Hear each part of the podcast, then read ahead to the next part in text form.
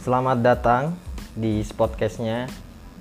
Ya di sini podcast ini tempatnya aku belajar bercerita ya. Karena kata Mas Panji Pragiwaksono katanya kalau eh, sesuatu itu kalau memang pengen bisa, pengen bisa atau eh, itu ya memang harus dilakuin secara terus menerus. Jadi aku kayak nggak pernah bosan belajar belajar bercerita apalagi kalau bisa jadi penyiar. Kayaknya saya sekali pengen deh deh aku tuh hmm, pengen jadi penyiar gitu ya. Sosokan jadi penyiar radio atau apalah gitu kan yang mempunyai beberapa pendengar. Karena sejujurnya memiliki kawan-kawan pendengar yang bisa ngobrol bareng itu juga termasuk sebuah keinginanku sih gitu loh Hari ini kita mau bahas apa ya? Kemarin aku janji mau bahas BSF. Uh, apa membahas BSF aja ya. Tapi ini mungkin part pertama ya, karena aku yakin part pertama ini aku karena aku nggak nggak nggak nggak ngonsepin apa-apa, jadi aku yakin pasti banyak hal yang kurang lengkap tentang penjelasanku tentang BSF ya kan. Jadi menurutku BSF itu adalah salah satu jenis serangga yang yang bisa uh, yang pada fase larvanya itu bisa mereduksi sampah organik gitu loh. Karena apa? Karena belatungnya itu, jadi bentuk larva atau belatungnya itu termasuk uh, pemakan sampah organik yang menurutku sangat rakus. Karena dalam dalam dalam satu kilo larva itu bisa menghabiskan satu kilogram sampah dengan sangat, sangat, cepat. Bahkan nggak nggak sampai satu kilo larva sih. Mungkin cuma 500 gram 500 gram larva pun bisa bisa menghabiskan uh, satu kilo sampah dengan dalam waktu cuma sehari gitu loh. Ataupun cuma semalam malahan. Gitu terus abis itu kita uh, atau BSF ini juga ya. Ini bisa dibilang memiliki pu punya nama ilmiah yaitu Hermetia illusen itu nama-nama ilmiahnya gitu. Habis itu hmm, di Indonesia udah mulai banyak dikenal ya. Sekarang BSF terus uh, lalat BSF ini atau tentara hitam dalam bahasa Indonesia-nya itu menurutku termasuk um, salah satu lalat yang bukan bersifat uh, penyebar patogen atau penyebar penyakit. Karena dia ini nggak suka maksudnya dia tuh nggak suka hinggap di bangkai ataupun di tempat sampah lalu apa namanya biasanya kan kalau lalat-lalat biasa itu kan suka nempel di makanan-makanan kita ya. Tapi kalau yang BSF itu enggak.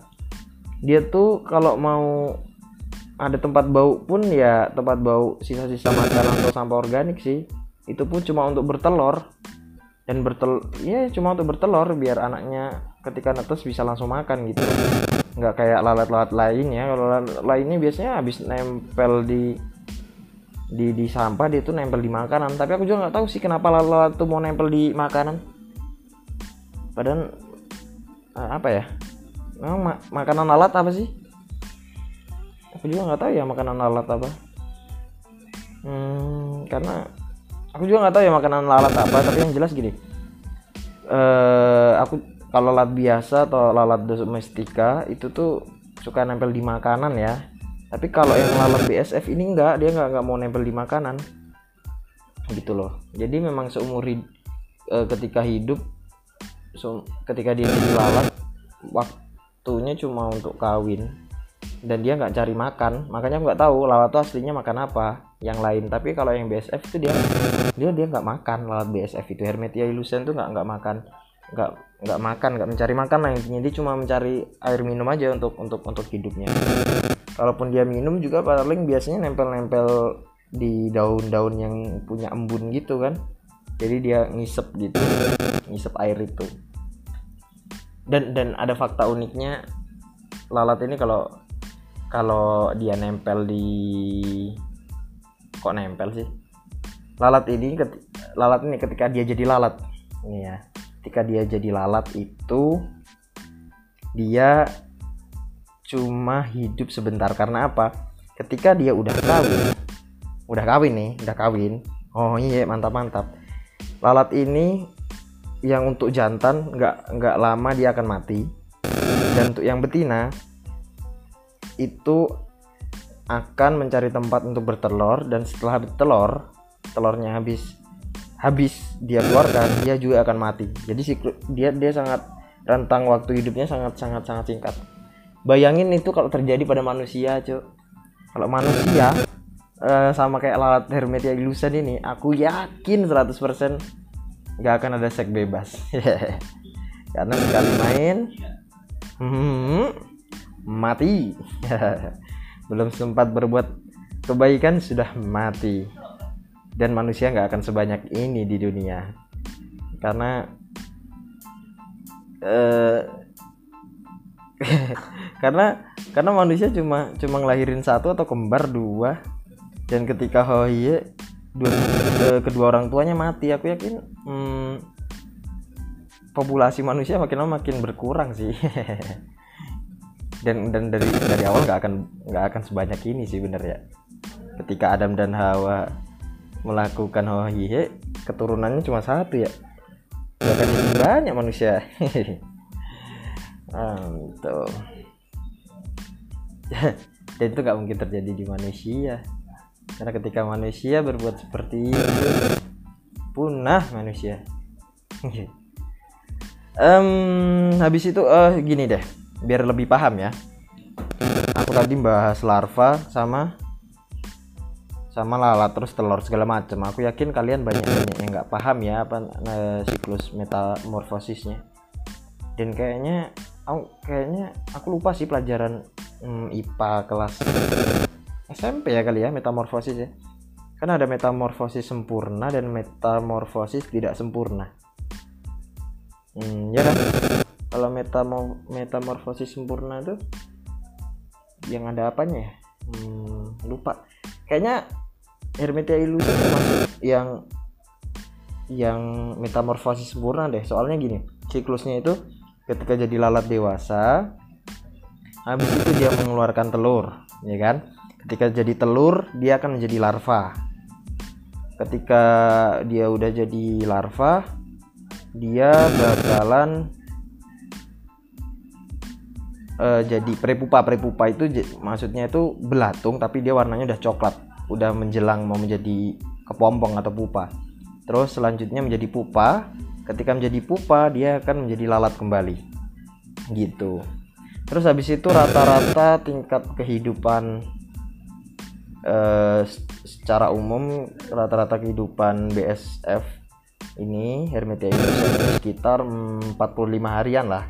Itu siklusnya. Dari lalat sampai menjadi lalat lagi itu 45 hari gitu loh. Hmm, jadi udah paham ya? Jadi tolong diingat-ingat.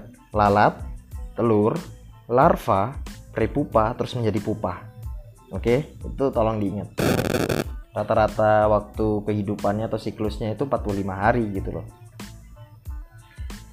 Nah, yang bisa mereduksi sampah ya, sampah organik itu ketika menjadi larva. Makanya apa? Makanya apa? Ini menurutku eh, solusi masalah lingkungan yang disebabkan sampah organik ini ini adalah sebuah sebuah solusi gitu ini solusi yang bisa menyelesaikan permasalahan sampah organik maksudku gitu ya karena larva ini bisa dimanfaatkan untuk untuk mereduksi sampah organik gitu kan. Kalau mereduksi uh, tapi sampah organiknya itu yang yang yang mudah busuk ya. Bukan yang kayak ranting daun gitu. Nggak bisa dia karena um, selulosanya itu tinggi gitu loh. Ikatan ikatan ikatan kimianya tuh kuat kan yang selulosa itu. Jadi nggak nggak gampang di nggak di apa disedot sama larva karena larva ini makannya nggak nggak mengunyah gitu. Dia dia nyedot jadi semakin hmm, semakin mudah sampai itu busuk semakin makin gampang gitu uh, larva BSF ini menghabiskan sampah organik itu. Jadi kayak kayak apa yang gampang busuk kan kayak sampah buah sampah nasi gitu ataupun kayak tai ayam itu bisa gitu walaupun nutrisinya nggak nggak tinggi jadi BSF BSF bakal lama lama untuk berkembang gitu. Tapi bisa. Setidaknya bisa meng, bisa mempercepat pengomposan tai ayam itu dan bisa jadi kompos gitu kan. Kan lumayan bermanfaat gitu loh. Lagi pula lagi pula nih ya. Ada um, ini pun menurutku larva ini juga bisa dimanfaatin sebagai pakan ternak karena apa? Proteinnya proteinnya tinggi. Walaupun walaupun belum bisa ngalahin harga kemurahan dari tepung ikan gitu loh selaku selaku uh, produksi uh, untuk pelet ya pelet pelet pelet ternak ya. Gitu untuk untuk pengganti tepung tepung ikan tuh belum bisa tepung manggot ini karena costnya masih masih tinggi sedikit gitu. Tapi kalau dari segi dari segi protein um, masih menang uh, eh, BSF sih. Untuk menurut beberapa penelitian ya. Menurut beberapa penelitian itu um, belatung BSF ini bisa proteinnya lebih le, melebihi tepung ikan gitu. Cuma harga harga, harga untuk produksinya memang uh, agak tinggi sedikit gitu. Makanya menarik sih BSF ini. Aku juga tahu dulu dulu ceritanya aku tahu kenalan sama BSF Hermetia Ilusen. Ini uh, ketika ketika kan aku kan waktu kuliah kan suka suka suka suka suka beli koran gitu kan. Waktu beli koran itu ya bacalah dari dari headline segala macam uh, banyak kan yang baca terus tibalah pada rub, rub, rubrik yang isinya itu membahas tentang lalat BSF gitu loh. Nah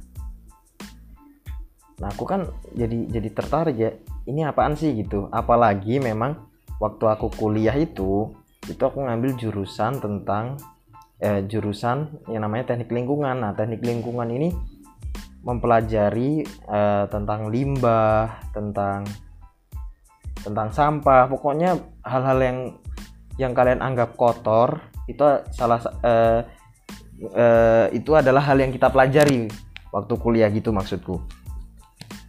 Um, ya gitulah. Jadi jadi ketika aku ketemu sama pembahasan tentang BSF di koran itu aku jadi sangat tertarik ini, ini apaan gitu kan? Kok aku nggak tahu? Dan dan dan halaman koran yang yang yang memuat tentang BSF ini aku simpan pada waktu itu karena aku waktu itu masih semester 5 belum belum belum masuk skripsian gitu loh. Masih pertengahan kuliah. Dan waktu aku waktu aku kuliah dan dan dan mengambil SKS skripsi aku ngajuin lah judul itu ke ke dosenku. Nah nah singkat cerita aku disetujuin tuh sama dosenku katanya. Hmm, ya udah nggak apa-apa coba dulu gitu. Oke deh pak. Ah, udah tuh aku aku aku terma seneng lah. Uh, judulku kan termasuk menurutku aneh gitu loh. Hmm, apaan sih ini? Gitu kan. Banyak orang juga masih awam tuh uh, ini ini lalat apaan sih? Gitu. Mereka nggak nggak percaya kalau lalat ini lalat ini tuh bisa bisa uh, uh, bisa menjadi penyelamat lingkungan apalagi bisa jadi bahan skripsi itu hmm, kayaknya banyak orang yang belum kepikiran deh apalagi teman-temanku rata-rata ngambil judul yang tentang pengolahan limbah semua gitu loh. Dan aku cuma ngambil sampah organik yang berbasis bioteknologi ya ber, berbasis serangga aja gitu. Belatung lagi ya uh, aku nggak tahu ya. Mahasiswa S1 ibaratnya budidaya belatung buat apa gitu kan? Itu menurutku sangat sangat sangat sangat nyeleneh gitu kan pada saat itu. Tapi aku sangat seneng buat buat buat ngejalaninnya buat buat nyusun skripsinya itu aku seneng banget gitu kan. Itu. Terus lanjut ya. Hmm, pada saat itu pun dosenku itu banyak yang nggak percaya ya jadi dosenku pada waktu itu dosen pembimbingku tuh namanya Pak Yayo ya kan Pak Yayo abis itu ketika aku ujian ujian skripsi itu aku diuji dengan yang namanya dosen itu Pak Tuhu, Pak Mirwan, sama Bu Novi. Nah, pokoknya ada eh, eh, salah dua dari tiga orang ini ini, ini adalah dosen-dosen killer menurutku ya. Jadi waktu itu aku sampai seminar hasil hampir tiga kali nggak lul nggak eh, dua nggak lulus yang terakhir lulus ya. Jadi sampai tiga kali. Itu ya karena aku ter ter ini ter ter apa ya, ya intinya gagal atau salah pemahaman uh, tentang pembahasan tentang pospor. Pokoknya gitulah pokoknya ketik deskripsiku tuh ada pembahasan tentang pospor gitu loh. Yang yang pada saat itu tau nggak nggak ngerti pos pospor tuh gimana sifatnya segala macam dan aku habislah di, di dikasih pertanyaan itu dan akhirnya nggak lulus. Tapi e, karena semangat tuh lulusku selalu selalu ada jadi aku terus berjuang berjuang berjuang akhirnya lulus juga kuliah gitu loh. Dan akhirnya wisuda. Jadi ya dan dan perkenalanku yang kedua tentang BSF ini itu ketika aku sudah menyelesaikan perkuliahan. Dan pada waktu itu salah satu organisasi uh, dari Swiss atau aku nggak tahu ya bacanya gimana tapi tulisannya EWAG e, e, EWAG EWAG jadi E A W A G. EWAG nah di situ EWAG ini bekerja sama dengan pemerintahan Indonesia untuk melakukan penelitian tentang BSF itu Hermetia illusion itu. Dan aku magang di situ dan dan dan pada waktu itu koran yang aku simpen setelah sekian lama itu ternyata memang dulunya uh, yang yang yang yang yang dibahas tuh ten, uh, ternyata dibahas tentang iwek ini gitu loh maksud paham gak sih? Jadi koran nih yang ketemuan waktu semester 5 ya kan? Yang di situ uh, berisi tentang apa namanya? Tentang BSF itu. Nah itu ternyata liputannya itu ya di situ di di iwek. Iwek ini lokasinya di Puspa Agro. Sidoarjo itu perbatasan sedikit ya dengan dengan Surabaya gitu nah di situ aku magang sekitar kalau nggak salah tiga bulan ya. Jadi aku di situ makin makin dikasih pemahaman lebih tentang BSF gitu loh. Dari dari pembudidayaannya menurutku lebih lebih lebih lebih detail gitu. Karena waktu aku skripsian tuh ya aku cuma ibaratnya belajar karakteristik larvanya aja. Tapi kalau di tempat magang ini aku belajar bener-bener dari segi bisnisnya sampai budidayaan juga. Jadi dari segi budidayanya sampai segi bisnisnya gitu maksudku. Kebalik ya jadi ya. Gitu. Nah dari situ makanya aku juga sampai punya niatan untuk bikin bikin budidaya BSF atau Hermetia ulisan ini. Ini di di rumahku juga gitu.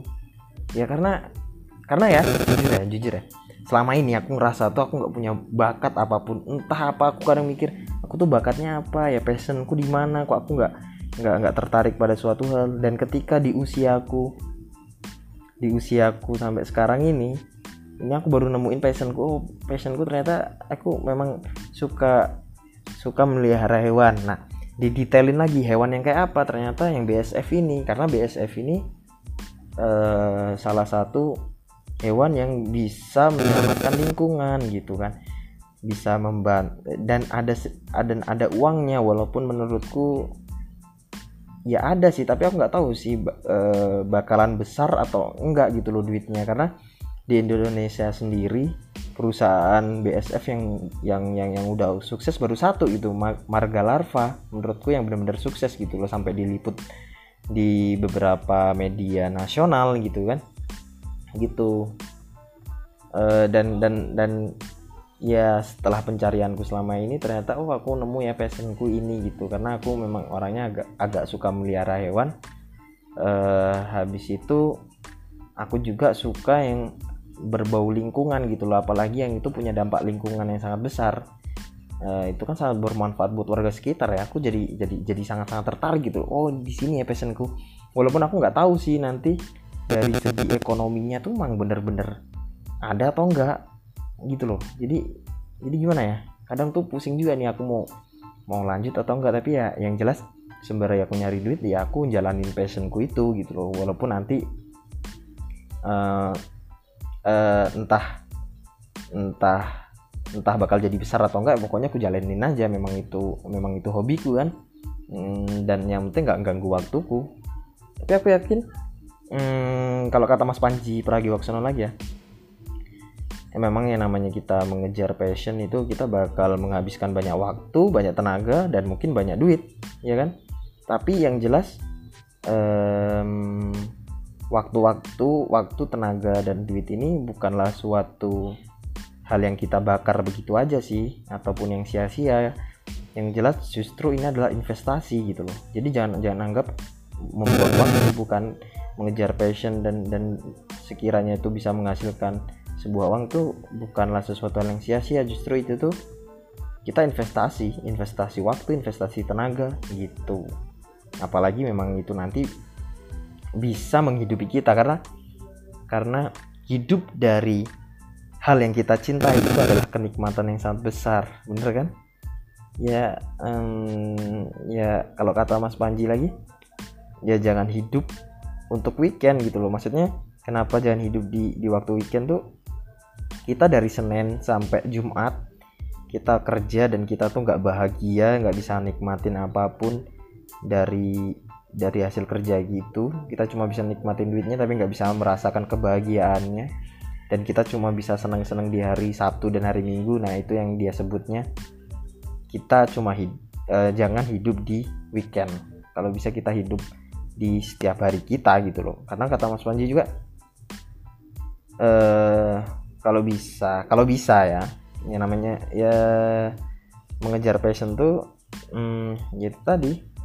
Karena kalau kita ngejar passion dan itu ada duitnya kita tuh nggak sabar untuk menunggu hari Senin ya kan? Tapi kalau kamu nggak nggak nggak nyaman dengan kerjaan kamu ya seperti kamu nggak nyaman sama kerjaan kamu kamu bakalan bakalan ketemu hari Senin tuh ya ya hari Senin aja gila cepet banget sih gitu kan. Ya sih? Dan aku dan aku pun walaupun aku uh, kerjanya belum lama tapi itu pun dah sempet kurasin waktu aku zaman zaman sekolah gitu kayak ya ya hari Senin nih sekolah lagi nih ya gitu loh. Apa apa sih? Kayak Gak tau ya kayak sekolah itu memang menyenangkan sekaligus membosankan tahu ya kayak kita tuh malas aja ngerjain uh, belajar gitu ya. Ngerjain tugas. Tapi sebenarnya memang semua ilmu itu harus didapat di bangku sekolah gitu. Nggak nggak harus di bangku sekolah juga sih. Aku ngerasa belajar juga bisa dari banyak hal ya. Uh, ntar lah. Aku aku aku juga punya sedikit pemikiran tentang tentang tentang cara belajar versiku yang bener tuh gimana itu aku punya sih. Dan itu insya Allah aku akan bahas di podcast selanjutnya gitu. Kita lagi fokus ke Hermetia Illusion dulu. Habis itu dari BSF ini aku udah mulai nyoba. Alhamdulillah udah berhasil tapi sempet terhenti karena aku ada kerjaan yang harus yang jauh dari rumah. Dan pada akhirnya ya aku tinggal dan dan nggak terurus gitu loh. Tapi tapi bakalan bakalan aku coba terus setiap aku pulang ke rumah aku bakal bikin lagi bikin terus bikin lagi. Karena jujur aja dari aku bikin BSF ini di rumahku di di, di Lampung Tulang Bawang Barat itu banyak orang yang ya tet, ada ada ada dua tipe orang sih. Yang pertama meremehkan kayak ah ngapain sih kamu bikin itu? Gitu loh. Ya kan? Terus ada lagi tipe yang lain yang wah gokil.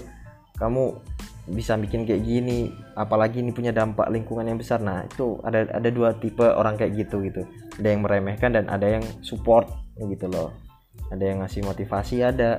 Jadi yang ngasih motiv nah dari BSF ini aku punya banyak kenalan dari orang-orang yang memang yang akhirnya mereka tuh sangat mendukungku gitu. Oh ini bagus mas gerakan bagus. Ini ini ini masalah di kabupaten kita. Jadi kayak sampah organik belum banyak diolah apalagi kan di kabupaten ya di wilayah kabupaten kan biasanya masih minim pengolahan gitu loh cuma ditumpuk gitu.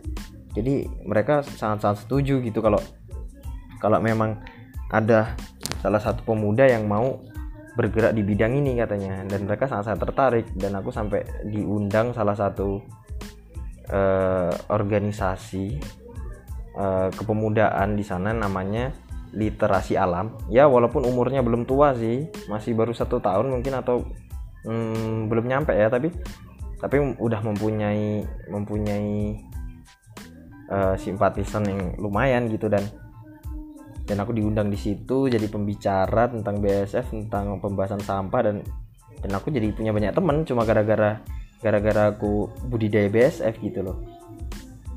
Sumpah aku jadi punya banyak teman sumpah ketemu ketemu ketemu ketemu orang-orang hebat lah pokoknya aku ngerasa. Mereka tuh orang-orang gokil gitu loh para pemikir di kabupatenku. Gokil sih sumpah. Jadi aku kayak bersyukur banget eh anjir. Dari BSF ini yang yang bis, yang yang jadi bahanku untuk lulus kuliah kan karena buat skripsi untuk untuk tempat sosialis uh, sosialisasiku untuk penghubung mencari relasi itu aku dapat dari situ gitu loh. Dari BSF ini gitu. Uh, terus ya aku yakin juga insya Allah BSF ini bisa menghidupiku entah entah suatu saat kapan yang jelas itu bakal aku kejar terus gitu loh. Hmm, terus apa lagi ya? Pokoknya aku sempat bikin itu dan ayamku sangat seneng banget makan makan uh, belatung ini belatung BSF ini ataupun larva ataupun kalau di YouTube orang seneng menyebutnya maggot ya kan? Itu mereka seneng banget ayamku itu. Dan dan kata ibuku ketika ayam kampungku dikasih makan itu ayamku cepat gemuk gitu. Cepat berisi badannya dan wah itu itu menurutku adalah hasil yang respon positif gitu kan. Memang memang memang proteinnya tinggi gitu bisa dibuktikan sendiri sama sama aku gitu loh. Dan ibuku sebagai selaku ibaratnya uh, kontrol penglihatannya kan gitu menarik sih. Sumpah kalau kalau bahas-bahas BSF itu kalau ada orang nanya bahkan kalau ada orang yang mau nanya sama aku tentang BSF itu aku bakal sangat-sangat dengan sukarela membantu dia. Serius nanya aku bakal jawab sebisaku pokoknya aku sangat-sangat sangat-sangat apa ya namanya? Apa sih? Kayak namanya orang-orang yang sangat-sangat bersemangat untuk menjawab itu apa sih? Hmm, ya itulah pokoknya ya gitu. Sangat-sangat senang aku kalau ada orang-orang mau nanya-nanya BSF ke aku itu. Karena memang aku juga ngerasa ya passionku di situ di situ aku cuma ngerti BSF gitu loh. Di, di hidup di hidupku yang yang nggak penting ini uh, satu-satunya hal yang memang ben, yang menurutku aku kuasain eh, hampir 75% ke atas itu ya cuma BSF gitu loh. Aku gitar nggak bisa uh, jadi bengkel motor nggak pernah bisa. Hmm, ya ya memang sesuatu itu memang harus dicari ya. Karena passion itu harus dicari. Yang namanya mencari passion itu ya harus menemukan dengan cara coba terus tanpa tanpa henti gitu loh. Ya itu. Jadi hmm, apa lagi ya bahas BSF itu ya? Hmm, BSF itu yang jelas um, apa ya? Aku pengen bahas dari sisi menariknya gitu loh. Apa ya? Aku belum nemu sih. Uh, aku aku yakin tuh aku aku yakin banget ini aku belum belum nyampein semua tapi aku tuh udah habis bahasan gitu kayak bahas apa lagi ya? Hmm, yang jelas itu fakta-fakta uniknya dia sangat sangat cepat segala macam bisa menyelesaikan masalah lingkungan gitu. Dan dan nggak uh, hasil pengolahannya pun nggak nggak jadi bau banget. Dan menurut gue nggak bau lah malahan. Itu lagi kita memang benar-benar tahu ilmunya insya Allah uh, apa ya tempat budidaya kita tuh nggak bau serius. Karena belatung ini sangat-sangat lahap gitu. Bagus lah pokoknya. Terus hmm, bahas apa lagi? Karena karena gini aku kalau mau membahas tentang cara budidayanya gimana kalau lewat suara itu agak susah ya jelasinnya ya karena harus harus ada gambarnya sih. Harus kayak gini kayak gini kayak gini nggak nggak bisa harus aku omongin. Yang penting yang jelas niatku di sini adalah aku ingin ingin memberitahu kepada halayak ramai kalau uh, Magot DSF ini bener-bener bener-bener sangat-sangat bermanfaat buat buat lingkungan, buat sekitar dan buat buat jadi nilai bisnis atau ekonomi kita gitu loh. Kalau kalian mau dan kalian yang mendengarkan di podcast ini kalau kalian tertarik nanya-nanya BSF ke aku, kalian kalian bisa hubungin aku via DM Instagram. Hasbilla underscore Adi underscore Dwiki underscore perkasa perkasa gitu. Kirim DM aja aku bakalan jawab dengan senang hati kalau kalian nanya tentang maggot ataupun larva BSF Hermetia illusion tentara hitam tuh lengkap bro. Serius bahkan kalau nanti kalian minta buku panduannya dari Ewek e Ewek itu aku bakalan ngasih serius. Aku bakal nyariin karena uh, Ewek Ewek udah bikin dua buku panduan. Yang satu lama yang satu terbaru katanya. Tapi aku belum download yang yang terbaru. Nanti mungkin aku bisa minta sih ya filenya gitu. Pokoknya aku di sini pengen buka mata kalian sebesar besarnya tentang bahwa ada namanya bioteknologi sampah organik yang berbasis serangga yang itu memang sangat-sangat bermanfaat bisa untuk uh, meningkatkan uh, bisa bisa meningkat ya gimana ya bisa jadi uh, sumber protein alternatif untuk pakan ternak kalian habis itu bisa menyelesaikan masalah lingkungan hmm, dan nggak menyebarkan patogen penyakit gokil nggak sih?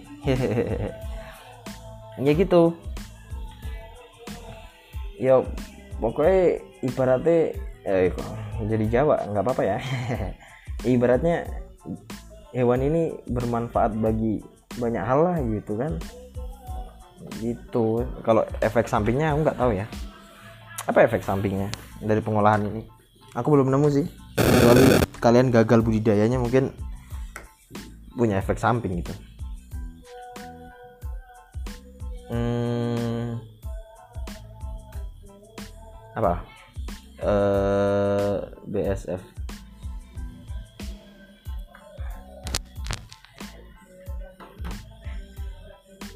dan di pasaran tuh BSL larva BSF ini dijual kalau yang fresh maggotnya ya itu dijual di kisaran harga 5000 sampai 7000 per kilo. Ini yang fresh maggotnya terus untuk telurnya 1 gramnya itu sekitaran harga yang sama di kisaran harga 4000 sampai 7000 per gram.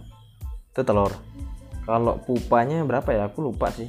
Kayaknya satu kilonya 50000 apa ya hmm, iya kayaknya. Habis itu uh, apa lagi ya? Uh, ntar ada orang. Yuk lanjut. Tadi ada yang manggil dan tak suruh buka pintu malah nggak dibuka. Um, itu ya tadi dari harga harganya harga harganya itu apalagi kalau kalian bisa bisa produksi lebih banyak lebih bagus. Yang penting kalian tahu buangnya ke mana larva itu maksudnya buang itu uh, arah penjualannya ataupun arah pasar pasarnya itu kalian tahu itu itu sangat-sangat bernilai ekonomi tinggi sih. Dan aku baru mulai doain aja kalau aku, aku bisa sukses di bidang yang aku sukain ini bisa jadi bisnis yang bisa menghidupi aku maupun keluargaku dan mungkin bisa jadi uh, sumber kebanggaan juga ya karena karena aku yakin kalau memang aku bisa menyelesaikan masalah uh, lingkungan sampah ini aku yakin bisa dapat apresiasi ya. Tapi kan ya tapi nggak nggak pernah nggak pernah tahu ya. Orang itu juga pasti ada aja yang nggak suka apalagi kalau udah sukses kan. Hehehe orang tuh selalu iri kalau ngeliat orang lain sukses. Kenapa ya sih? Tapi nggak boleh sesumbar dulu. Kan memang aku belum baru baru memulai. Jadi nggak nggak bisa mastiin juga sih ya, berhasil atau enggak tapi aku yakin eh, pasti berhasil walaupun hasilnya nggak besar. Tapi menurutku pasti berhasil.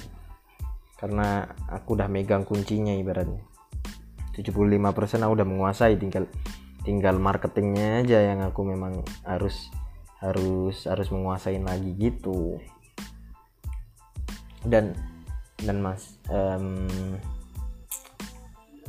aku salut sih sama sama yang buat Marga Larva itu dia sampai masuk majalah Forbes under under 30 under 30 di bawah umur uh, para pemuda yang yang umurnya di bawah 30 tapi bisa ngasih dampak yang sangat besar untuk negara maupun dunia. Aku nggak tahu sih uh, penjelasan sampai dunia atau enggak tapi yang jelas tuh hmm, pemuda yang di umurnya di bawah 30 tahun tapi dia dia punya dampak yang besar gitu. Intinya tuh gitu. Itu um, uh, lupa sih aku nama CEO CEO-nya Marga Larva itu siapa. Yang jelas umurnya masih 29 tahun. Kayaknya dia lulusan ITB deh orangnya itu ya berewokan juga kayak aku rambutnya gondrong tapi yang jelas memang dia dapat suntikan dana investor yang sangat besar jadi dia bisa bisa bisa bisa jalanin eh, bisnis BSF ini skala industri itu gokil sih. Di eh, orang wilayah Jawa Barat kalau nggak salah. Orang ini. Tapi sekarang pembudidaya mangkut udah mulai banyak walaupun eh, skala rumahan untuk untuk pakan ternaknya sendiri tapi sudah mulai banyak. Itu. Um, apa lagi ya?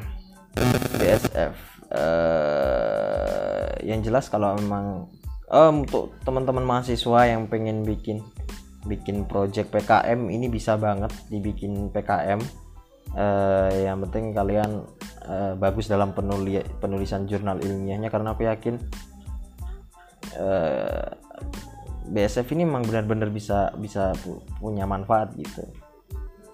Dan dan ketika kalian bawa ke desa ini adalah sesuatu yang baru walaupun di kota pun ma orang masih menganggap juga ada yang baru. Jadi cuma segelintir orang gitu loh. Gitu. Dan dan menurutku masih banyak orang yang awam sih. Jadi ini ini buat kalian yang yang yang yang ngerasa kalian harus mencari yang beda dalam hidup ya ini sesuatu hal yang bisa kalian coba gitu. Hmm, ya yang yang yang kalian tuh bisa coba otak atik gitu. Ini ini ini, sangat menarik gitu loh kalau mau kalian mau coba gitu. Um, mungkin udah ya bahasannya mungkin itu aja. Mungkin kalau kalian mau tanya-tanya silahkan tanya aja via DM Instagram Asprila underscore Adi underscore Dwiki underscore Perkasa. Nah, kalau kalian tanya-tanya tentang BSF insya Allah aku bakal dengan sangat senang hati menjawab. Yang penting kalian ngerasa puas uh, eh yang bukan bukan puas. Penting kalian tuh mera bisa merasa tertarik tentang BSF itu aku udah seneng banget. Jadi aku pengen pengen pengen sosialisasi bahwa ada bi bioteknologi sampah uh, yang mereduksi sampah organik berbasis serangga itu aja. Pokoknya intinya itu. Eh, penutup. Jaga kesehatan kalian. Ke keluar rumah kalau memang penting aja. Um, ppkm uh, diperpanjang lagi oke. Okay. no problem yang penting Indonesia cepet sembuh lah ya. Um, jaga protokol kesehatannya jaga jarak cuci tangan selalu pakai masker. Um, intinya jaga imunitas. Itu yang paling penting dan jangan sampai stres ketika anda positif covid. Karena stres itu bisa menurunkan imun kalian. Oke sampai jumpa di pembahasan selanjutnya. Tetap podcastnya. Thank you